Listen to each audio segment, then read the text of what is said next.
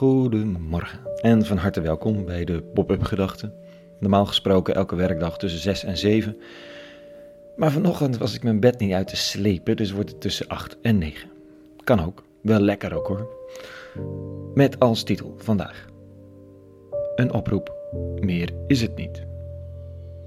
Pop-up Gedachten, maandag 12 oktober 2020.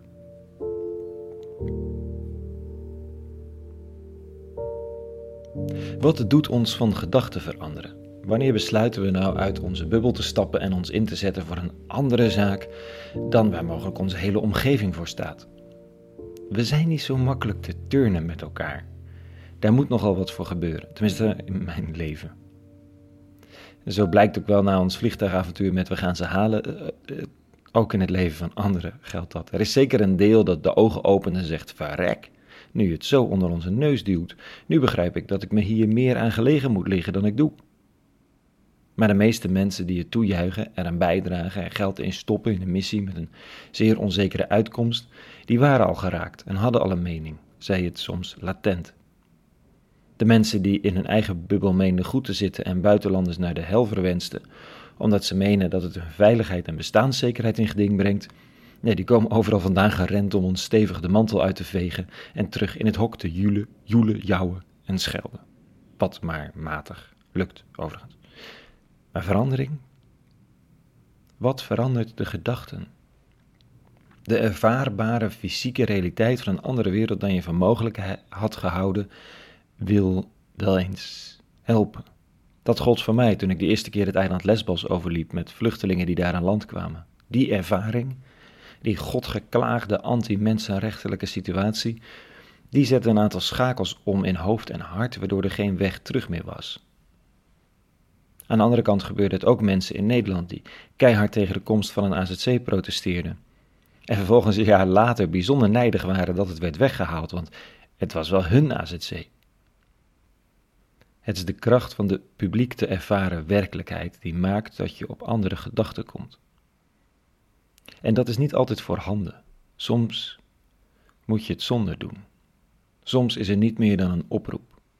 En is het aan ons om werkelijk te durven doordenken wat goed is en niet. En voor de ander is één ervaring niet genoeg en twee ook niet. En blijft men roepen: toon het aan.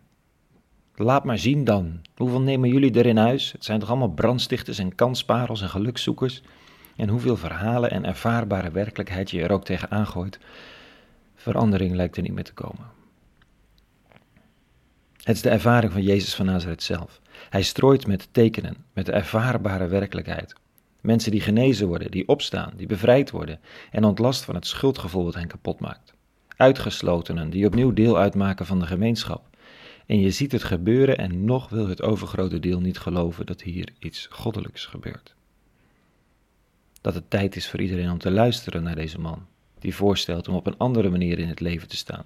Naar deze rabbi, die zegt dat het nationalistische eigendunk, dat nationalistische eigendunk geen pas geeft.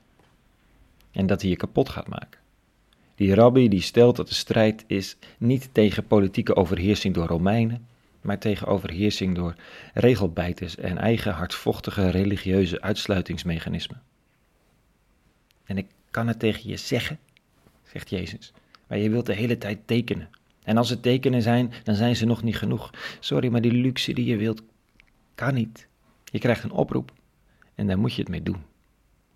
Dat staat er in voor ons oren wat cryptische taal, dit fragment. In die tijd, toen het volk samenstroomde, begon Jezus te spreken. Dit geslacht is een verdorven geslacht. Het verlangt een teken, maar geen ander teken zal het gegeven worden dan het teken van Jona.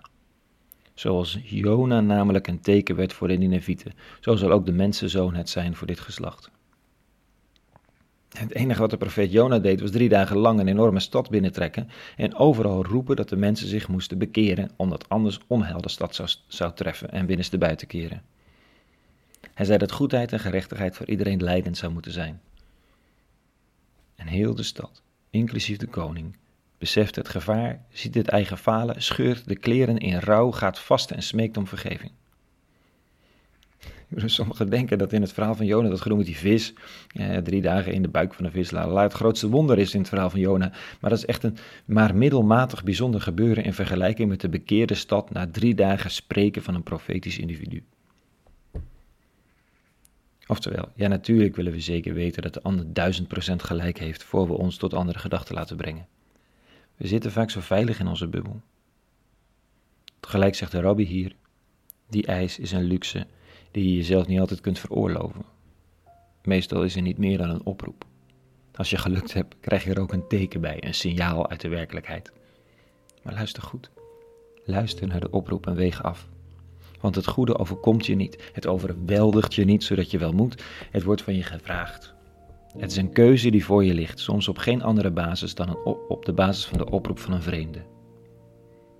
Kies dan. Tot zover de pop-up gedachten van vanochtend. Een hele goede week gewenst met, met dankbaarheid voor alle voortekenen van het goede en de wijsheid om de oproepen te onderscheiden die voor je voeten geworpen worden.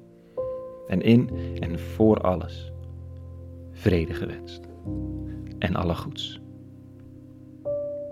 you.